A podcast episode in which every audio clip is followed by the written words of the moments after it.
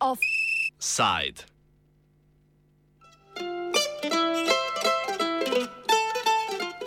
Rumena trdnjava.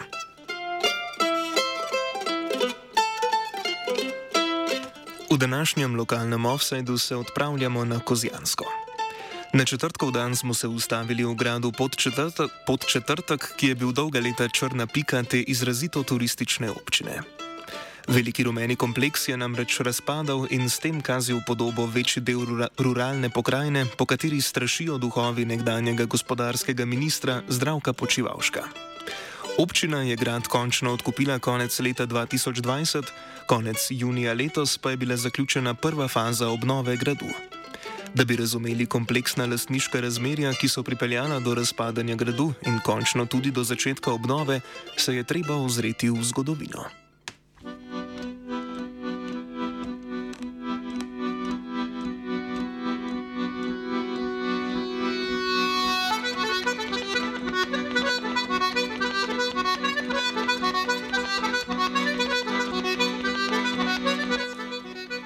Številnimi gradovi, s katerimi je posejano Kozjansko, zauzema podčetrtek posebno mesto.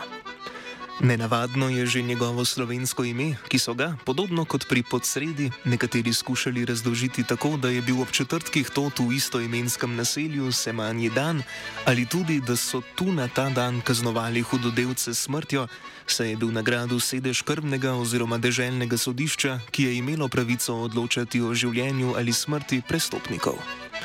Razlaga ni preveč prepričljiva, slovensko ime gradu namreč zasledimo v verih šele pozno, ko je grad že dolga stoletja obvladoval ali tudi strahoval okolico.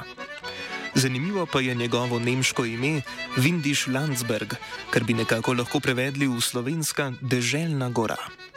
Je mora biti tu že pred zlato dobo gradov, ki je pri nas nastopila šele v 12. stoletju, stala na deželni meji obsotli obrambna postojanka, ki je varovala južni rob države pred Mačari.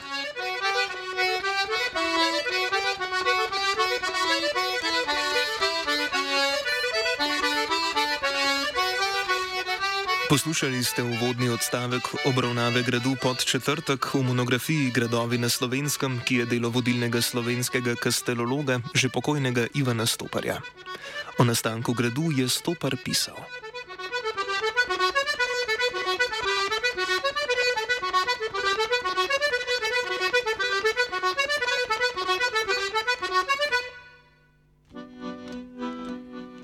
Grad Podčetrtek je nastal tako kot drugi gradovi na Kozjanskem, na nekdanjih posestvih grofice Henebreže Sevške. Pozidali so ga krški škofje, ki so ga upravljali s svojimi ministerijali podčetrškimi vitezi. Prvi med njimi je omenjen leta 1209 Oton iz Podčetrtka, sin viteza Enskavka.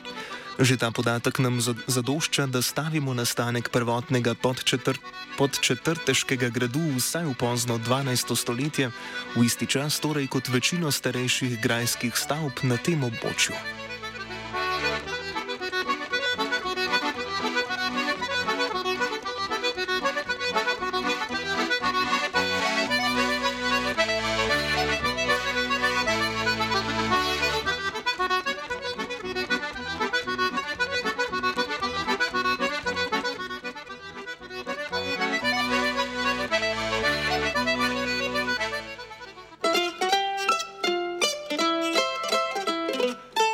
Če skrajšamo, z gradom so vse do srede 15. stoletja prek različnih upraviteljev razpolagali krški škofje. Zaradi grozečih ogrskih napadov so ga na to prodali cesarju Frideriku III., kasneje pa je krška škofija grad za velike denarje zopet odkupila nazaj. Dobro desetletje je bil grad tudi v ogrskih rokah. Krški škofje so grad, ki so ga ogri popolnoma razdejali, obnovili. Leta 1527 je oskrbnik gradu postal Hans Tatenbach. Tatenbachi, sicer izvirajoči iz Porenja, so leta 1612 tudi formalno postali lastniki gradu in ga temeljito prezidali ter uredili v renesančnem slogu. Leta 1671 so družinskega poglavarja Ivana Erasma Tatenbacha zaradi sodelovanja pri zaroti z oprhamsburžane v Gradcu obglavili, grad pod četrtek pa so oblasti zasegle.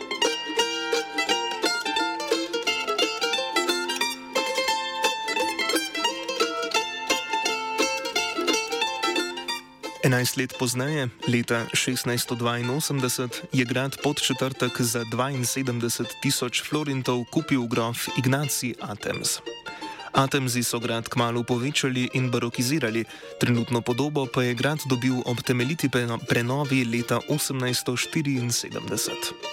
Atemzi so imeli grad v lasti vse do konca druge svetovne vojne, tedaj so grad s pripadajočim gozdom oblasti nacionalizirale. V gradu so po vojni uredili stanovanja, eden od tam stanujočih pa si je v gradu uredil kar kurjo farmo. Gradu je veliko škode prizadejal kozijanski potres leta 1974.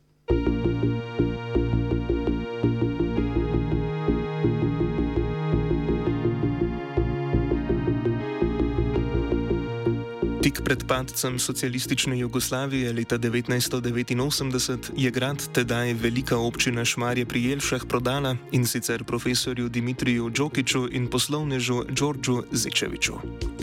Kupila sta ga za okoli 50 tisoč tedanjih nemških mark. Ob nakupu gradu sta se zavezala, da bosta v roku petih let grad obnovila, kar pa se ni zgodilo. Grad je nadalje propadal, bil je tarča ne pridi pravov, večina notranščine je bila izropana, nekaj notranjih elementov pa so rešili v Posavskem muzeju iz Brežic. Občina je s soglasjem lastnikov popravila vsaj del strehe, zaradi pogodbene klauzule pa je občina po sodni poti pridobila lastništvo 20-odstotnega deleža gradu, ki ga je imela v lasti družina Džokič. V kupoprodajni pogodbi sta se Džokič in Zečevič namreč zavezala, da bosta grad stabilizirala in obnovila, sicer sledi vrnitev bivšemu lastniku. V bitko za podčetrčki grad so se neuspešno vključili tudi potomci razlaščene družine Atems. 80-odstotni delež gradu je po dolgotrajnih sodnih bojih in usklajevanjih z družino Zečevič na koncu uradno odkupila občina konec leta 2020.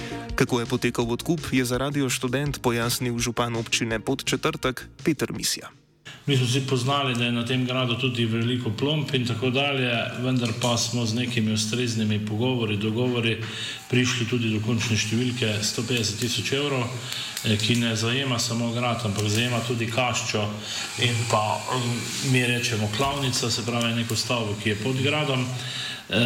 Tukaj je šlo tudi zato, da je bil pač kašča popolnoma uničena, da je bilo treba tudi hitre ukrepe na tem področju zavzeti. Vendar pa potem, ko smo leta 2000 to uspeli spomladi se nekako zmeniti, mi pravzaprav razen občinskega sveta, ki je bil na zaprti seji, se tudi odločil eh, za denar.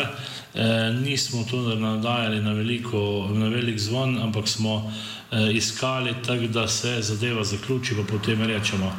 Eh, družba Prajniger, ki nas je zastopala v primeru izbrisov in vsega ostalega, je imela kar precej dela, da je to tudi zaključila, ker smo zbrisali pri izbistvu plombe tudi ziče, viče mogli tudi, recimo, kar se tiče šmarja in vsega ostalega, da so lahko prišli sploh do tega, da, so, da, so lahko, da smo to premoženje dobili.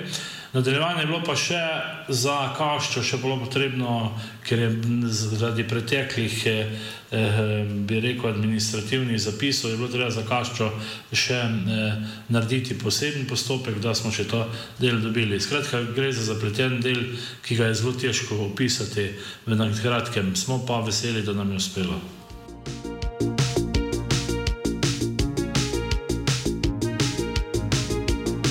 Grajsko kaščo pod gradom so zaradi nevarnosti za lokalni promet lani porušili, je pa ostal ohranjen njen kletni del.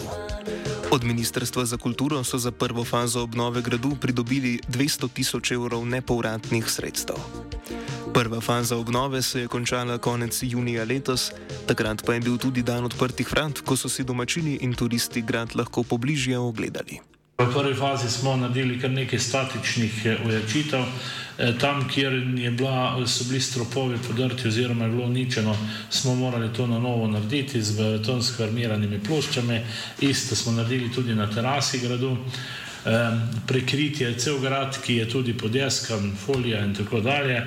E, trenutno se še to zaključuje samo levi stolp, tako da ta stolp še bo škriljem pokritje, pa zaradi težave dobave škrilja e, še ni bilo izvedeno.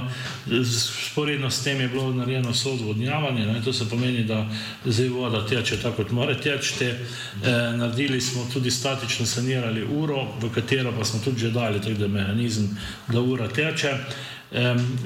Seveda smo tudi obzidje, tam, kjer je bilo porušeno, so obnovili, tako da v tem delu lahko rečem, da je bilo izredno veliko narejenega. Tu sporedno pa je teklo še tudi obnova ceste, delna obnova, eh, kjer na grad smo pripeljali kanalizacijo, vodovod, elektriko, optiko, tako da pravzaprav ima zdaj grad tudi vso, vse, kar mora imeti. Kaj sledi? No, tu smo pa tudi dobili že sklep o sofinanciranju eh, dobrih milijon 600 tisoč evrov eh, ze strani Ministrstva za kulturo oziroma gre tudi za delno evropska sredstva.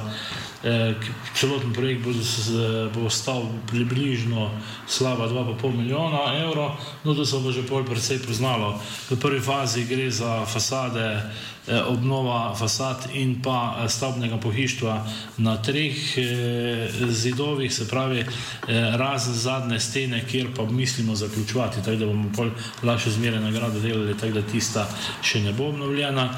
Seveda gre tu največji del se dela v, na področju konjušnice, kjer pač v spodnjem delu želimo urediti tisto, kar mora biti neka recepcija, vhod, WC, toaleta in tako dalje, stopnišče v srednje nadstropje, kjer bo pač eh, določene sobe, v kateri želimo tudi prikazati sojenje ob četrtkih, in pa na vrh delno tudi tu bo gostinski lokal, ki bo se povezal z gornjim delom na teraso, kjer je že sedaj fenomenalni ogled, vendar na tem ogledu boš potem lahko popil tudi kavo ali kaj drugega. Eh, seveda pa tu je velik digitalizacija, tudi eh, že sama soba, ki, kjer sem prej omenil sojenje ob četrtku in pa na vrhu seveda s posebnimi ogledali želimo prikazati različna stoletja je življenje v podčetrtku.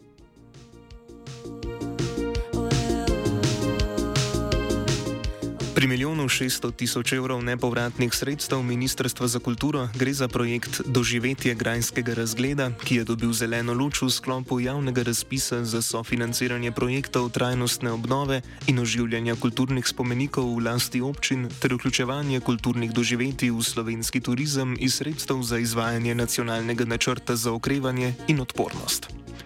Občina bo iz občinskih proračunov do leta 2025 premaknila še dobrih 850 tisočakov. V sklopu projekta Doživetje grajskega razgleda bodo nagrado med drugim pripravili interaktivno doživetje Četrtkova sodba, gastronomsko doživetje Grajska pojedina, mogoča pa bo tudi poroka na grajski terasi. O gradu tako župani in svetniki razmišljajo predvsem kot o novi možnosti za kulturni turizem. Pred grad so se že preselili nekateri dogodki, ki so bili do sedaj organizirani bodi si v samem podčetrtku, bodi si v večnamenski dvorani. Ob zaključku prve faze obnove je tam bil koncert, na lokaciji pa je gostovala tudi lokalna verzija odprte kuhne, to je kuhinja pod gradom, ki jo pripravljajo v sklopu turizma pod četrtek. Pred odkupom gradu so na občini kot eno od rešitev za propadajoči grad omenjali javno-zasebno partnerstvo. O morebitnem javno-zasebnem partnerstvu misija zdaj odgovarja. To vlade bo tudi prišlo, ne? mi bomo zdaj, zdaj nas tudi marsikdo kontaktira, ne? Ampak eh, mi trenutno mislimo, da to, glede na to, da znamo dobivati evropske sredstva, lahko trenutno peljemo sami. V tem času bo pa tak in tak moralo, glede na to, da grad ima 64 sot, ne? in del bomo tudi provali zdaj v nekem drugem sklopu urejati, predvsem kar se tiče tega dela hodnika in kapele in eh, v srednjem nadstropju. Eh, kar se tiče pa naprej, kaj bo sploh še lahko dodatno v gradu, bomo pa morali pač skupaj ugotoviti. Prav gotovo bodo pa morali tudi netopiri dobiti glede na pogoje eh, naravovarstvenikov v svoj prostor.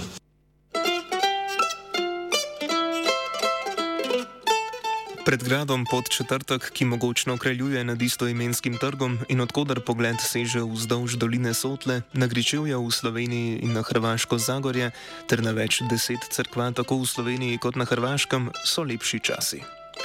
Z gradu pa se vidi tudi sedež podčetrške občine s slabimi 3500 prebivalci. Občina je nastala leta 1994 ob reformi lokalne samouprave z odcepitvijo od občine Šmarje pri Jelšah. Prvi župan občine je bil pokojni Marjan Drofenik, ki je županoval od ustanovitve pa do leta 2005. Tedaj je zaradi nezmožnosti sodelovanja z občinskim svetom predčasno odstopil. Na predčasnih volitvah je slavil tedajni predsednik krajevne skupnosti podčetrtek in še vedno aktualni župan Petr Misija iz kvote stranke Mladih Slovenije. V drugem krogu predčasnih volitev tistega leta je premagal predsednika krajevne skupnosti pristava pri Mestinju Srečka Gobca. Od volitev leta 2005 pa do danes misija na lokalnih volitvah sploh ni imel proti kandidatov, na volitvah pa ni več nastopal kot kandidat katere od političnih strank. V mestnem svetu vlada praktično brez opozicije.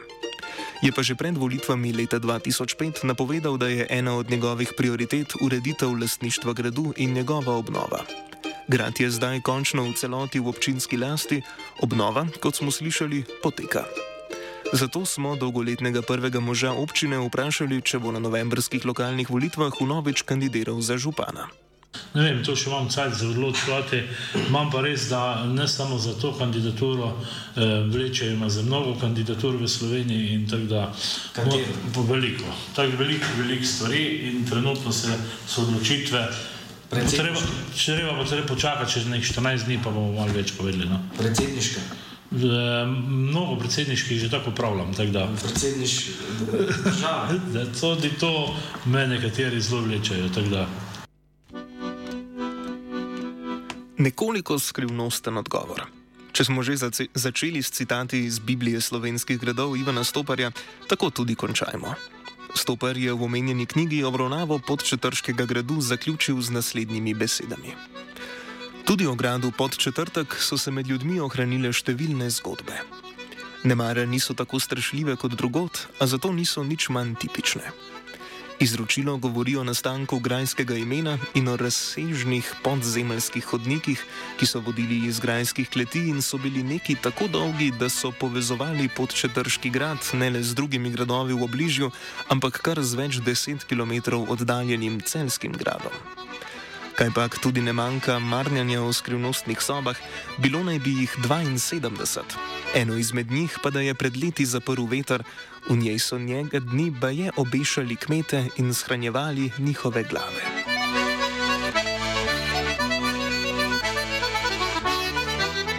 Lokalni offside je pripravil Urh.